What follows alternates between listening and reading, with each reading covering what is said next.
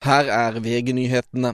Kongen er ved godt mot, sier kronprins Haakon. Kongens livlege har nå ankommet sykehus i Malaysia, og også han gir uttrykk for at kongen er på bedringens vei. Det er jo litt langt hjemmefra, eh, men nå går det bedre med han. eh, Og legen hans er der, så nå trenger han litt ro noen dager. eh, Hvile og god behandling, så ser det ut som dette går bedre. Og statsminister Jonas Gahr Støre sier til NRK at de skal sørge for at kongen kommer fort hjem. En norsk turist er funnet død på hotellrommet sitt i Tyrkia. Politiet har startet etterforskning, og avdøde skal obduseres. UD er kjent med dødsfallet.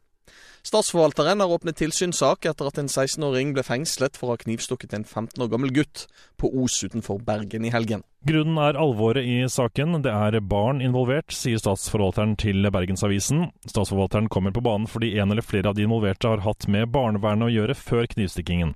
Det er foreløpig ikke noe som tilsier at det har skjedd noe som ikke er i tråd med barnevernets bestemmelser, sier de. Reporter Andreas Hagen Haakonsen.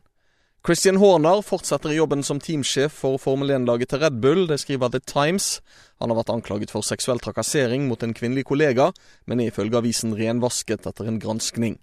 I studio Thomas Alsaker, nyhetene får du alltid på VG.